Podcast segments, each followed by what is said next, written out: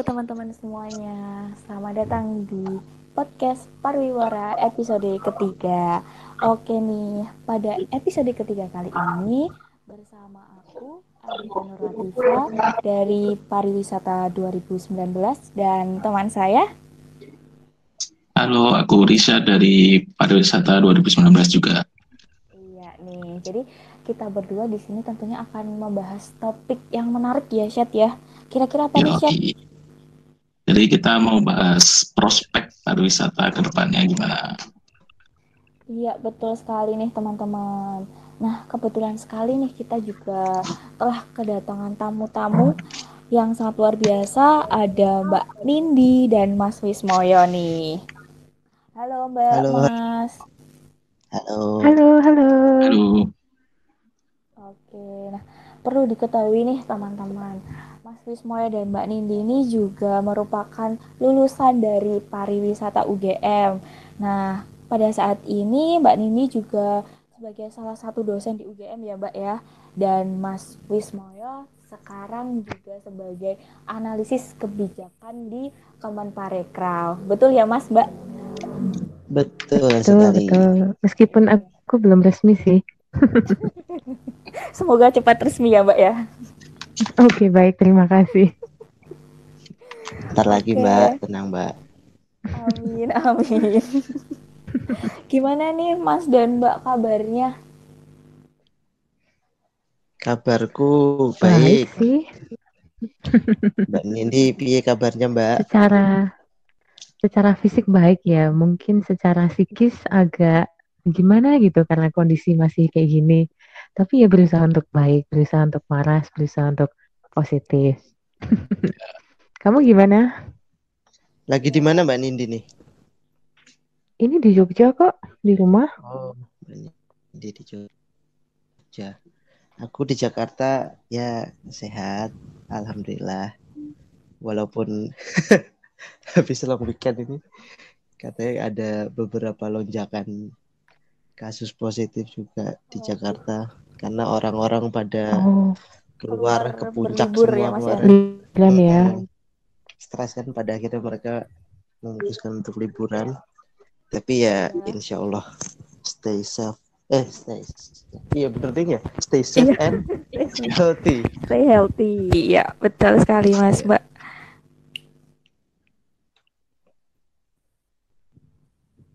Kebetulan ini lagi WFH jadi bisa kita berbincang-bincang dengan adik-adik Mas Rishad sama siapa tadi? Ya, If- Tifa. Iva. Tifa. Iya, iya. Tifa Sebelumnya ya. makasih ya. Iya, betul. Makasih ya Mas, Mbak sudah mau meluangkan waktunya nih buat kita berbincang-bincang santai saja untuk topik kali ini nih. Ya sama-sama dengan senang hati. Iya. bisa semoga bisa bermanfaat. sharing. Amin, amin Mas, amin Mbak. Oke nih Mas dan Mbak, mungkin eh, kita secara umum mau membahas dulu nih. Eh, menurut Mas dan Mbak nih, kira-kira bagaimana sih prospek kerja ke depannya sebagai lulusan dari pariwisata nih Mas, khususnya S1 nih Mas Mbak. Siapa dulu? Silakan Wismaya. Oh aku dulu. Boleh, boleh, Apa boleh. tadi pertanyaannya? Prospek bekerja ya? Iya, Iya. betul Lulusan sekali. S1 pariwisata. Iya. Eh, aku jawabnya dari sisi apa ya? Dari sisi supply supply demand aja deh. Yang pakai prinsip yang basic lah. Intinya kan kita melanjutkan jenjang pendidikan buat teman-teman yang lulus SMA masuk perguruan tinggi untuk jadi maha mahasiswa kan siswa yang paling dhuwur istilahnya Iya, betul. harapannya dengan masuk S1 kompetensinya makin meningkat. Nah, dilihat dulu nih kalau kita mau bicara tentang prospek S1 pariwisata itu lihat dari demand-nya industri pariwisata itu seperti apa gitu. Kalau kita lihat kan tren pertumbuhan sektor pariwisata itu selalu meningkat gitu kan. Dari sisi demand, kunjungan wisatawan selalu meningkat secara global maupun secara nasional gitu. Nggak pernah turun ya. Dan itu pun kita bisa sama-sama rasain gimana berwisata itu udah menjadi habit sekaligus needs kan buat semua orang. Ya itulah jadi apa ya jadi pertanda bahwa ya kebutuhan untuk eh, SDM SDM pariwisata di Indonesia pasti kebutuhannya meningkat. Nah, itulah jadi salah satu tanda juga bahwa S1 pariwisata itu lulusannya ya punya prospek yang cerah banget gitu kalau kita jeli menangkap peluang dan tahu kita itu harus kerja di atau berkiprah di bidang apa di sektor apa di apa di wadah yang mana gitu? Di pemerintahan kah atau di swasta kah kayak gitu. Itu kalau dari aku sih secara konsep ya. Mungkin Mbak Nindi bisa tambahin. Boleh monggo Mbak Nindi. Gimana nih Mbak kira-kira? Aku setuju dengan apa yang tadi disampaikan Wismoyo. Jadi um, prospeknya cerah dan nggak hanya nggak terbatas gitu. Karena kan mungkin kalau orang um, tahu tentang pariwisata ah pasti jalan-jalan gitu atau atau mungkin ah pasti hotel, pasti iya. restoran yeah. atau travel agency gitu. Betul. Iya, padahal ada banyak hal lain di di luar itu selain itu gitu dan kalau misalnya apa namanya dengan level S1 seharusnya kita juga bisa masuk ke bagian manajerial yang itu um, salah satu profesinya mungkin seperti Wismoyo analis kebijakan lalu kemudian ada peneliti, konsultan, perencana, event manager, marketing, dosen juga, destination manager banyak sebetulnya dan um, secara in, instansi pun ada banyak gitu. Um, kalau internasional ada semacam UNWTO, ada ITO atau apa namanya International Tourism Organization, ada WTPC, UNESCO dan lain sebagainya. Jadi cerah lah, cerah banget. Dan betul kata Wismoyo, um, pinter-pinter kita melihat peluang dan menempatkan kita itu pantasnya di mana, cocoknya di mana, gitu. Berarti opsi buat lapangan pekerjaan tuh luas itu banget. Adek -adek. opsi buat lapangan. Iya, nggak iya, usah nggak usah ragu mm -hmm. atau berkecil hati gitu. Nah dari nah, nanti semakin berjalannya waktu kita makin tahu nih iya. peluang-peluang kerja di buat lulusan S1 pariwisata itu apa aja. Ini kalau awal-awal buat teman-teman kayak De Richard sama De Iva kan baru pertama masuk ya. Sekarang cek-cek ombak dulu nih. Apa sih yang dipelajarin di S1 pariwisata gitu.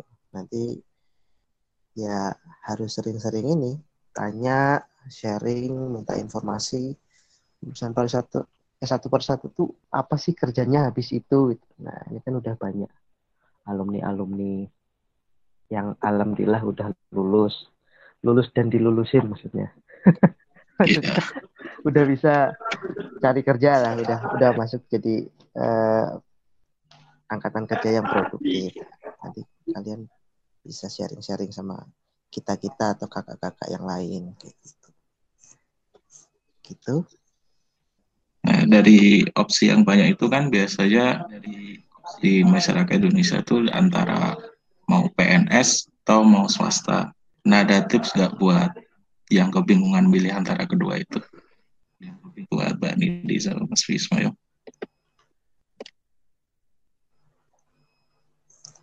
Mbak Nindi, boleh Mbak? Oke, kalau Atau nanti sendiri sebenarnya... Riset pilih dulu aja. Gimana? Mbak Didi dulu. Ya, kalau gitu ya. Mas Wisma dulu ya. ya. Kalau menurut aku sebenarnya tinggal kita maunya di mana sih, mau di swasta atau mau di um, PNS gitu. Itu kan sebenarnya kembali ke minat kita masing-masing dan kita sebetulnya nggak perlu apa ya termakan judgement atau opini orang-orang yang misalnya kayak PNS itu lebih baik karena lebih menjanjikan dan lain sebagainya. Enggak yeah, juga sih. Sebenarnya itu kan lebih kembali ya kan, kembali ke diri kita. Kita harus menyukai pekerjaan itu dan kita harus bisa belajar dari pekerjaan itu. Kalau misalnya itu cuma sekedar untuk apa namanya? ya title doang kan apalah hakikatnya bekerja itu kan kita harus bisa enjoy. Jadi kembali ke masing-masing. Nanti di di PNS pun ada banyak kan uh, perusahaan-perusahaan yang bisa dimasukin juga nggak harus kayak nggak harus dinas pariwisata dan Kementerian Pariwisata, tapi juga ada yang lain. Kemudian di swasta pun ada banyak banget gitu. Udah dari Mbak Nendi udah udah jelas itu ya. Aku nambah apa ya Mbak?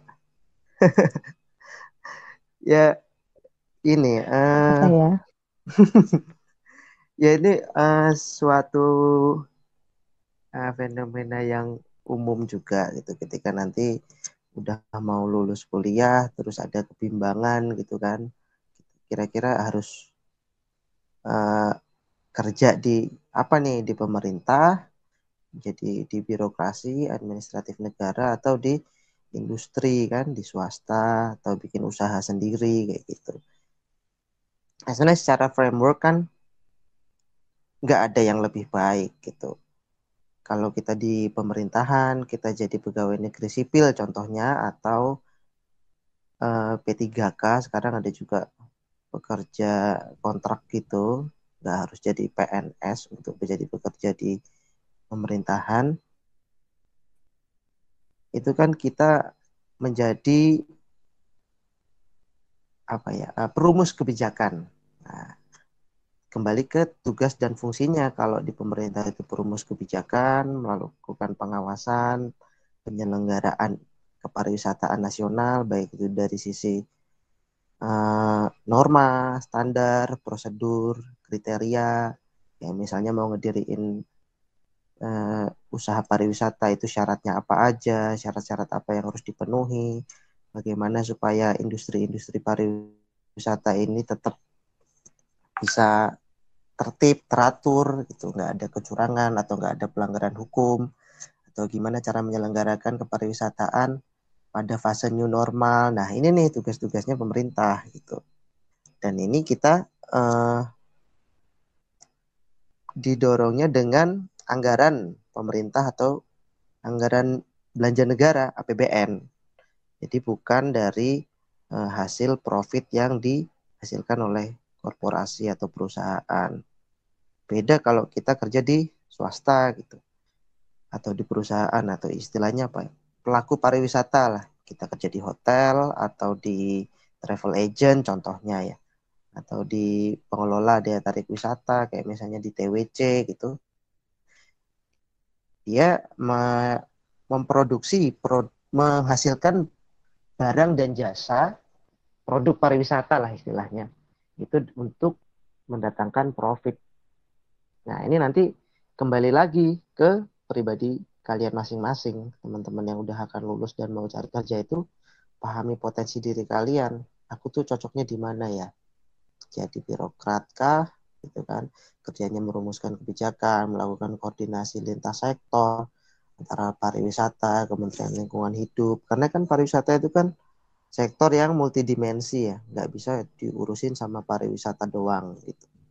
Bahkan malah di pariwisata di Kementerian Pariwisata tuh kita nggak bisa kerja sendiri gitu. Yang melaksanakan nanti Kementerian PUPera gitu. Kementerian Lingkungan Hidup dan Kehutanan kayak gitu. Kita lebih iya. ke fungsi koordinasinya gitu.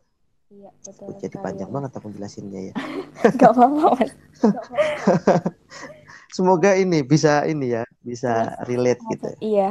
Gambarannya. Iya, betul sekali, Mas. Nah, berarti intinya tuh kita harus pahami potensi dulu gitu ya, Mas, kayak Mm -hmm, uh, kita betul. mau memilih ke swasta atau BUMN tadi kan dari Mbak Nindi dan Mas Kusma juga sudah dijelaskan dengan sangat-sangat jelas Nah, hmm. mungkin kan kalau dari lulusan S1 ini kan ada yang ingin lanjut nih Mas Mbak ke S2. Nah, kira-kira ada rekomendasi sekolah nggak sih Mas Mbak bagi lulusan kita S1 pariwisata ini? Mana ini Mbak Nindi nih Mau yang udah sekolah ya? lanjut. Aku tak ikut dengerin kalau ini. Oke, oke. Um, kalau berbicara tentang rekomendasi sekolah untuk S2 ya, iya. sebenarnya nggak ada sih. Um, karena kan sekolah itu tergantung kita mau ngambil jurusan apa. Terus juga um, enggak semua kampus itu punya program S2 pariwisata. Terus juga enggak semua program S2 pariwisata itu kan jurusnya kita suka. Jadi ada macam-macam, ada marketing, manajemen, event, sustainable, heritage, wine juga. Jadi sama seperti poin yang tadi sih kembali ke kita maunya apa gitu. Jadi kalau untuk spesifik rekomendasinya nggak ada sebenarnya. Terus tadi kan ada poin fresh graduate ya kalau nggak salah. Nah um, kaitannya dengan fresh graduate itu kalau aku secara pribadi sebenarnya menyarankan um, baiknya kerja lebih dulu gitu setelah lulus paling nggak enam bulan lah sampai satu tahun mungkin Nah, itu tujuannya adalah untuk mencari pengalaman dan untuk mengenali diri sendiri. Maunya apa, future plan-nya apa, career plan-nya apa. Nah, kalau kita udah tahu tentang diri sendiri, itu akan lebih mudah untuk nentuin jurusannya apa. Terus um, universitas mana, terus di negara mana kalau misal mau ke luar negeri gitu. Dari situ nanti um, akan ngedukung apa yang udah menjadi plan kita. Tapi sebenarnya hal itu juga nggak menutup kemungkinan sih kalau fresh graduate itu udah bisa langsung tahu gitu mereka mau plan depannya apa. Jadi bisa banget untuk um, langsung daftar S2 sebenarnya gitu. Oke nih, Mbak. Berarti kayak lebih ke lebih baik kita kayak mencari pekerjaan dulu ya Mbak. Jadi kayak kita sudah benar-benar mantap nih kita mau fokus ke mana gitu ya Mbak ya. Iya betul. Dan um, kalau misalnya kita kerja nih, misalnya lulus terus kerja, terus kita memang udah ada plan untuk S2 tapi masih bingung kan, dan kita ada rencana untuk apply beasiswa, ya kan? Nah, be apply beasiswa itu butuh waktu. Jadi kan nggak selalu ya kayak ya, satu kali daftar bisa langsung dapet. Nah, periode waktu itu, jadi periode waktu untuk mendaftar beasiswa itu juga sekaligus digunakan untuk sambil bekerja gitu. Jadi ya berbarengan gitu kan. Nanti uh, kita kerja terus sambil daftar terus nanti ketika udah dapat apa namanya beasiswanya kita kan bisa uh, mengundurkan diri atau minta kayak semacam cuti sebentar untuk studi itu kan juga bisa. Terus juga rata-rata um, penyedia beasiswa memang uh, memberi syarat untuk paling nggak udah ada pengalaman kerja. Nah, kayak kemarin beasiswa Chevening yang aku dapat, itu mereka ada syarat untuk paling nggak kerja minimal dua tahun. Itu. Jadi mungkin kayak setiap universitas juga beda-beda gitu ya Mbak ketentuannya. Iya beda-beda. Tapi sebenarnya kalau kita ngomongin universitas, mereka lebih fleksibel sih. Jadi bisa bisa nggak perlu pengalaman kerja sama sekali. jadi fresh graduate boleh. Ada juga yang dia minta paling nggak satu tahun atau dua tahun pengalaman kerja. Oke siap pak terima kasih loh mbak. Oke kalau mas Wismoy mau menambahkan sedikit nih aku malah ikut nyimak kok malah ikut dengerin aku Karena dulu dulu aku ngerjain skripsi itu sempat datang ke rumah Mbak Nindi gitu. Mbak oh, ini gimana iya. Mbak skripsiku oh, gitu oh, iya, kan. Iya, jadi kita pernah diskusi bareng. kebetulan kebetulan kosku deket sama rumahnya Mbak Nindi kan. Wah, cocok iki cedak ya toh. Iya, langsung mampir aja ya Mas ya. Jadi kalau untuk studi lanjut Eh, pengalaman-pengalaman Mbak Nindi ini bisa nih kalian nanti lebih lanjut sharing sama Mbak Nindi. Kebetulan kan udah dapat beasiswa juga dari Chevening. Kalau aku dari sisi needs ya, dari untuk menunjang jabatan analis kebijakan itu sangat diperlukan sebenarnya secara jenjang karir gitu untuk meningkatkan kompetensi gitu kan mempertajam analisis berpikir terus memperdalam kemampuan untuk analisis studi ya analisis kebijakan itu sangat perlu gitu untuk S2 gitu karena bahkan analis-analis kebijakan yang udah senior-senior tuh ya dia sekolahnya sampai S2, S3 bahkan profesor kayak gitu. Karena memang eh, job description dari kita adalah memberikan perumusan kebijakan dan rekomendasi kebijakan. Nah, dalam menyusun itu kan kita diperlukan tuh kemampuan uh, metodologi penelitian, terus bikin kajian-kajian dalam bentuk policy brief, policy memo, nah itu jurnal, artikel. Nah, itulah kerjaan kita sebenarnya di analis kebijakan itu. Makanya sangat relevan lah kebutuhan untuk sekolah lanjut gitu. Itu dari hmm, Boleh diceritakan sedikit Mas belajar apa perjalanan karir Mas Wismoyo dari kuliah sampai kerja saat ini. Atau boleh oh. diceritakan dikit keputusan buat ambil studi Mas Wismoyo ini. Uh, uh, jadi aku lulus kan tahun 2017. Kebetulan waktu itu ya uh, masih nganalisis juga sebenarnya aku mau kerja di mana kan gitu. 2017 Agustus gitu. Terus aku coba apply di beberapa perusahaan dan juga waktu itu pas ada pembukaan formasi CPNS di Kementerian Pariwisata. Waktu itu masih Kementerian Pariwisata ya, belum belum sama Ekraf. Iya. Aku coba apply gitu, terus nah ada ada formasinya satunya perencana, yang satu analis kebijakan. Nah, kebetulan skripsiku kemarin tentang ini analisis efektivitas kebijakan bebas visa kunjungan ke 169 negara. Nah, waktu itu aku ngambil datanya juga di Kemenpar kan gitu. Sempat magang juga, ya kira ini bisa align lah dengan apa yang sudah aku susun, yang sudah aku kerjakan. Kerjaan-kerjaannya juga udah ada gambaran. Makanya aku decide untuk coba apply di Kemenpar formasi analis kebijakan. Alhamdulillah lulus gitu. Alhamdulillah ya, keterima. Kebetulan waktu itu cuma satu yang diambil. Untungnya orang satu-satunya itu aku kan gitu. Nggak tahu kalau diulang mungkin nggak bisa lagi. Unsur ya, bejo ini juga ada ya mas mungkin ya? Wah nggak tahu hebat tuh. memang. aku wirid aku wirid dan apa apa ya iya karena waduh nggak ngerti deh itu harus harus peringkat paling atas gitu kan aku kerjainnya ya Bismillah Bismillah aja Saingannya mungkin juga banyak ya Mas ya. mm -mm, ya gitu apa ya. karena kan terbuka kan semua iya. bisa seluruh Indonesia. Terus iya. dari STP Bandung juga daftar gitu terus Unbrau lain-lain lah jurusan-jurusan pariwisata di universitas lain. Iya. Terus oh. uh, aku ikut di KLAT satu tahun satu tahun kerja itu habis itu ada di KLAT analis kebijakan. Jadi belum sah tuh jadi analis kebijakan kalau belum diklat gitu kan. Setelah diklat, nah di situlah banyak belajar tentang uh, proses susunan kebijakan, rekomendasi kebijakan, jenjang karirnya seperti apa, terus kenapa kok analis kebijakan ini diperlukan di Indonesia kayak gitu.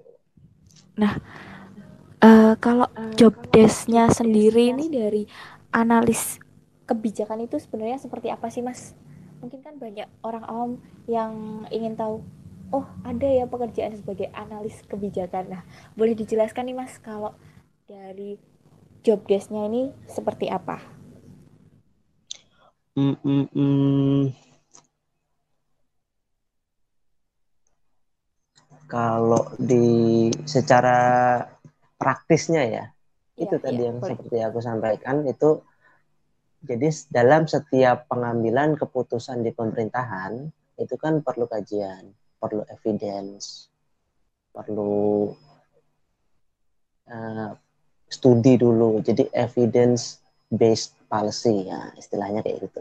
Jadi mau bikin kebijakan tuh harus ada dasarnya dulu apa nih tren atau kecenderungan fenomena pariwisata dalam isu tertentu misalnya mau uh, nyusun kebijakan intervensi apa yang bisa dilakukan oleh Kementerian Pariwisata di destinasi Toba misalnya atau di destinasi Borobudur dan sekitarnya. Nah, itu kan kita perlu pelajarin nih intervensi-intervensi apa yang harus kita kasih ya gitu.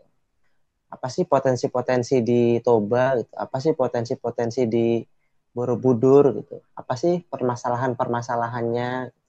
siapa aja sih yang terlibat di situ gitu.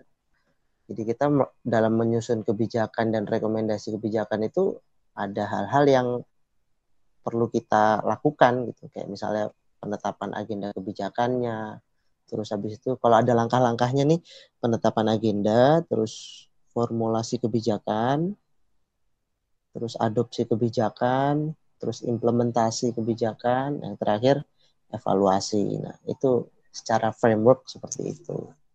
Tinggal nanti kontennya itu disesuai, disesuaikan dengan isu apa yang mau kita bahas kayak gitu. Jadi kita nyusun juga, rekomendasi juga, terus implementasi juga, advokasi juga gitu. Nah, dari proses itu nah, analis kebijakan ini yang berperan untuk melakukan praktis-praktis di setiap tahapan tersebut.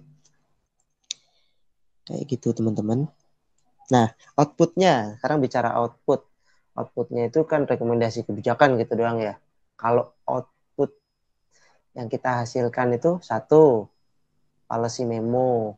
Terus dua, policy brief. Ini sama-sama rekomendasi kebijakan tapi muatannya lebih lebih banyak di policy brief daripada policy memo.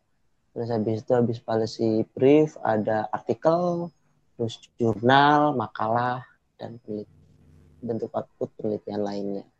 Bedanya kalau peneliti, uh, analis kebijakan sama peneliti, peneliti ini kan ada nih uh, yeah, jabatan yeah. ASN juga namanya peneliti. Kalau pen, uh, peneliti itu lebih dalam kajiannya, dia lebih ke teoritis, teorinya lebih dalam. Nah kalau analis kebijakan itu lebih praktis, lebih oh, dari yeah, sisi yeah, yeah. evidence. Jadi analisisnya nggak sedalam peneliti filosofinya juga nggak sedang peneliti tapi lebih eh, gimana sih yang paling aplikatif rekomendasinya nah itu yang dikerjakan sama analis kebijakan kira-kira gitu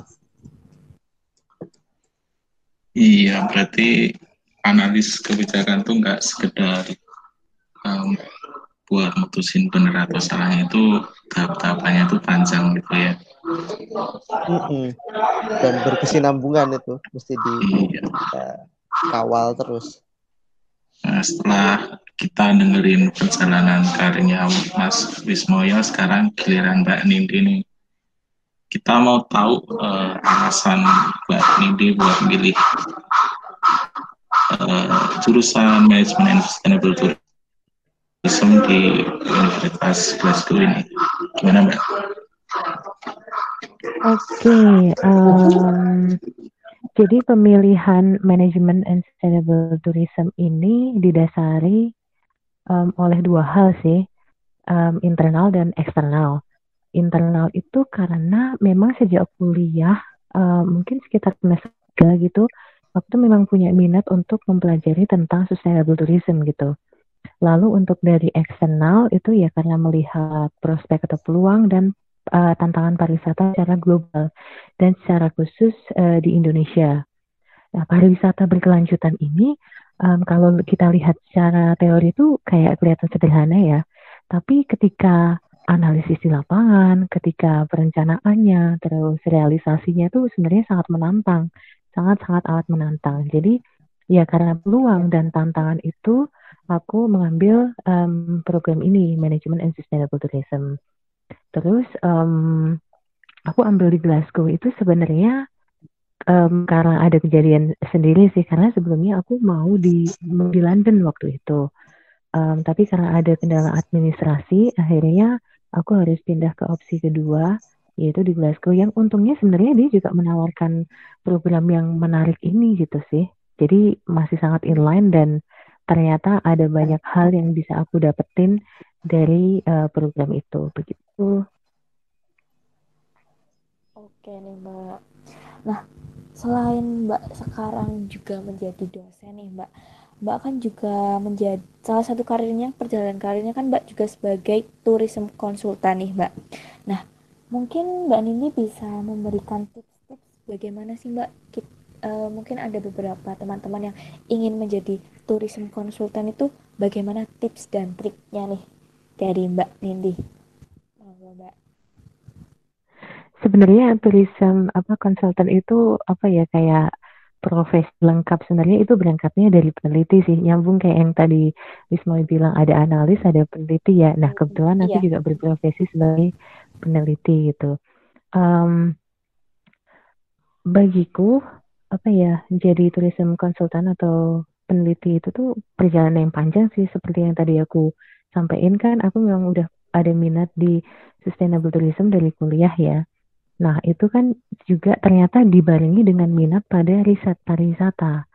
Nah, sejak saat itu aku berusaha untuk terlibat um, ke dalam banyak riset untuk menambah pengalaman, menambah kemampuan meneliti, terus untuk menganalisis juga. Terus aku dulu juga um, selalu ngajuin PKM penelitian kalau teman-teman tahu yang dari Dikti itu kan. Nah, um, itu setiap tahun sih dan dari aku mengajukan itu aku dapat pendanaan itu dua kali dari dikti dan satu kali dari fakultas lalu dari situ salah satu topikku itu tentang um, revitalisasi kawasan Malioboro nah gara-gara itu aku akhirnya menjalin network dengan UPT Malioboro dinas pariwisata Bapeda itu terus itu kaitannya untuk bikin master plan Malioboro Nah, dari situ aku mengenal orang-orang yang bekerja di dunia riset dan mulai menjalin network lagi untuk mencari kesempatan untuk apa ya terlibat di kegiatan riset pariwisata yang lebih menantang gitulah. Nah, lalu kan kita ada program magang nih yang wajib kan dari Prodi. Iya. Waktu iya, itu, nah ya, aku milih magang di perusahaan konsultan pariwisata. Nah, di dalam situ aku akhirnya melihat riset pariwisata secara profesional itu seperti apa. Dan ternyata memang minatku di situ gitu. Jadi aku memutuskan untuk menekuni bidang itu hingga akhirnya bisa terlibat ke riset-riset yang lebih besar lagi sampai sekarang. Jadi um, kalau untuk tips sebenarnya apa ya? Mungkin yang pertama adalah karena teman-teman ini untuk teman-teman yang masih mahasiswa ya yang pertama, carilah kesempatan di mana kalian bisa terlibat um, di suatu kegiatan yang lebih dalam gitu istilahnya. Jadi bisa riset, bisa kayak terlibat di event gitu atau kegiatan lainnya. Kemudian yang kedua adalah tekuni kegiatan tersebut, diberikan yang terbaik. Lalu lihat hasilnya dan kalian rasain, kalian suka nggak sih kegiatan itu gitu. Nah, kalau nggak suka, ya udah cari yang lain lagi. Misal cari yang bidang lain, misal dari event ke riset atau dari riset ke event atau bisa ganti divisi. Misal pertama dari divisi kreatif terus pindah ke divisi marketing kan pekerjaannya udah pasti beda tuh.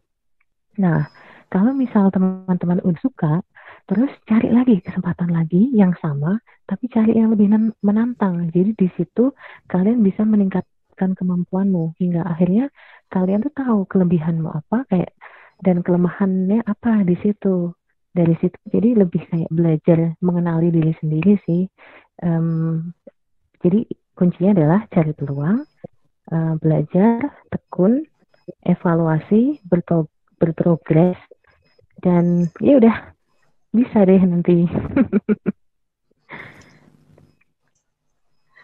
super sekali kan adik-adik itu udah iya komprehensif banget loh Keren. itu dari Mbak Nindi itu.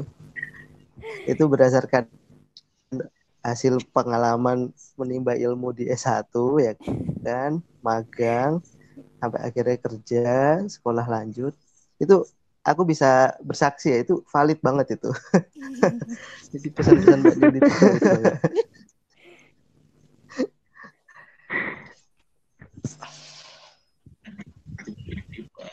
makasih buat Wanidi buat pesan-pesan dan tipsnya. Nah, selain jadi uh, konsultan tourism, Mbak Dini juga dari salah satu pendiri Root Trails ya. Oh iya betul. Nah, bisa dijelasin nggak Root itu apa sih? Oke, okay, um, oke. Okay.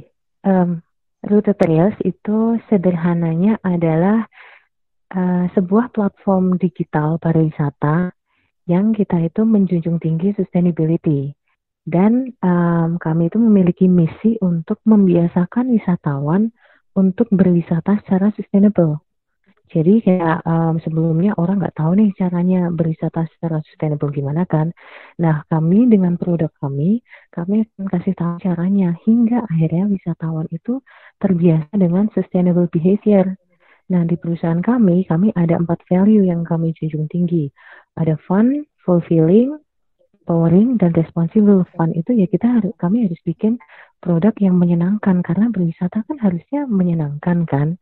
Terus um, yang kedua adalah fulfilling. Fulfilling itu gimana caranya wisata itu bisa buat kita tuh um, apa ya menemukan diri kita tuh apa dan kita juga bisa belajar gitu. Karena um, gimana gimana kita tuh tahu kalau dunia ini luas ya. Kita tuh sebenarnya cuma satu orang kecil dengan ada banyak perbedaan ada banyak keunikan. Jadi dengan full feeling itu kita bisa kasih apa ya berwisata tuh lebih bermakna. Nggak hanya sekedar selfie doang lalu empowering itu ada um, apa namanya kami mau melibatkan ekonomi lokal lalu responsible kaitannya dengan lingkungan.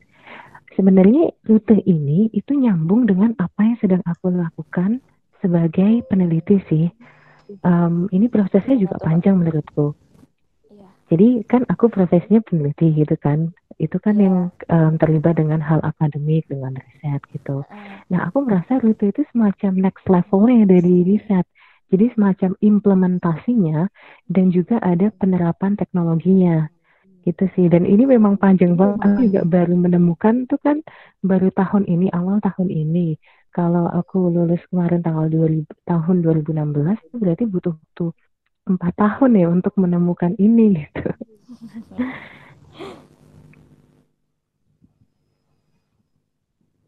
Oke. begitu sih oh iya terima kasih sekali mbak sudah dijelaskan bagaimana awal dari terbentuknya root trails ini. Nah, sebelum penutup nih, Mbak Mas, mungkin uh, ada pesan-pesan nih buat kami sebagai mahasiswa yang masih aktif di pariwisata, kira-kira pesan dan pesan-pesan seperti apa untuk kami mahasiswa di S1 nih? Boleh, monggo dari Mas Wismoyo dulu. Untuk pesan pesannya buat adik-adik selain tadi ya yang udah dijelasin Mbak Nindi itu yang yeah. aku setuju banget gitu kan kenali diri terus jangan takut buat coba pengalaman baru terus atau uh, naik level gitu mencari pengalaman yang lebih menantang lagi yang benar-benar bikin kalian pusing tapi challenging gitu jadi kalau tips secara aku mungkin lebih ke general ya jadi yang pertama so pasti kenalin diri, potensi, kelebihan kamu tuh apa, kekurangan kamu itu apa, bagusnya di mana, dan proses discovery diri itu enggak enggak proses yang cepat gitu. Dan saat kuliah itu momentum banget gitu. Jadi indikator suksesnya kalian kuliah itu sebenarnya bukan IPK ya, bukan IPK, bukan dapat nilai A plus, eh kok A plus? Nggak ada A plus ya, A gitu atau nggak pernah bolos kuliah? Bukan. Tapi kenal diri sendiri. Nah, what I'm good at. Nah itu. Bener-bener ini yang harus ditanam banget di pikiran adik-adik gitu. Karena dulu pas aku kuliah awal-awal aku perlu waktu gitu dan nobody nggak ada yang bilang aku nggak ada yang ngajarin gitu jadi ini se -se setelah ada pengalaman baru bisa muncul kalimat-kalimat seperti ini. Bisa kenal diri sendiri, terus jangan pernah takut buat mencoba hal baru. Dan kalian punya banyak waktu buat explore hal-hal yang kalian penasaran atau belum pernah ngerasain gitu.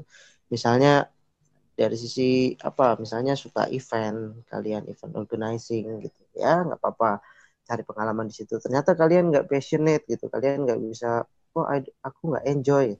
Ganti haluan nggak usah takut. Jadi ini adalah masa-masa percobaan kalian bisa belok kanan belok kiri sesuka hati gitu. Jangan berpikiran sempit ah nanti lulus kerja bakal kerja di ini bakal kerja di ini. No yang kalian pikirkan itu belum tentu yang kalian supportnya di iya. situ yeah. gitu loh. Jadi jangan pernah takut melangkah jangan pernah takut belok kanan kiri. Jangan ragu coba aja dulu. Waktu kalian tuh masih banyak banget dan banyak banget waktu luang. Beda nanti kalau udah kerja dan kalian decide untuk kerja office hour gitu kan. Nanti diminta tolongin adik kelas buat sharing itu harus nyocokin jadwal dulu harus di luar jam kantor. Nah kalau kuliah itu wah penak wis aku bisa bilang itu masa-masa discovery masa-masa emas kalian gitu. iya jadi, jadi jangan takut mm -mm. Mm -mm. terus jangan jangan apa ya uh, berpikiran sempit gitu kayak teman-teman apa dan kalian merasa wajib banget untuk ikut itu atau biar kayak yang lain gitu. No no no, nggak perlu berpikiran seperti itu. Kalian bisa decide sendiri langkah kalian tuh mau seperti apa. Gitu kalau dari aku. Iya, terima kasih Mas. Kalau dari Mbak Nini, mungkin ada yang ditambahin lagi? Um, aku setuju dengan apa yang udah disampaikan Wismoya semuanya aku setuju dan aku sebenarnya suka banget um, momentum itu tadi yang poin momentum itu karena betul apa kayak kesempatan itu nggak datang dua kali jadi memang harus apa namanya harus bisa memutuskan sih mau coba ambil itu atau enggak tapi satu poin penting yang mau aku tambahkan adalah ini lebih ke personal yaitu time management.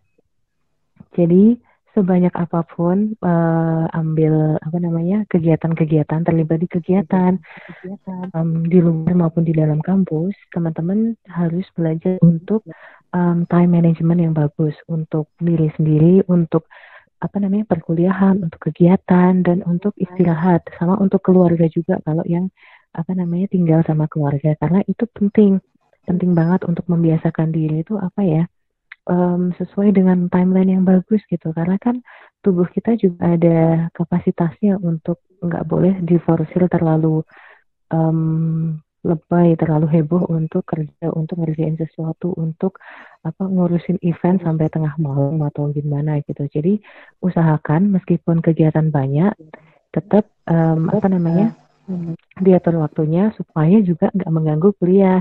Betul sih IPK nggak masalah, tapi kan gimana-gimana tanggung jawab mahasiswa tetap belajar. Jadi belajar iya semaksimal mungkin, nggak perlu mengejar IPK, tapi ngejar paham aja.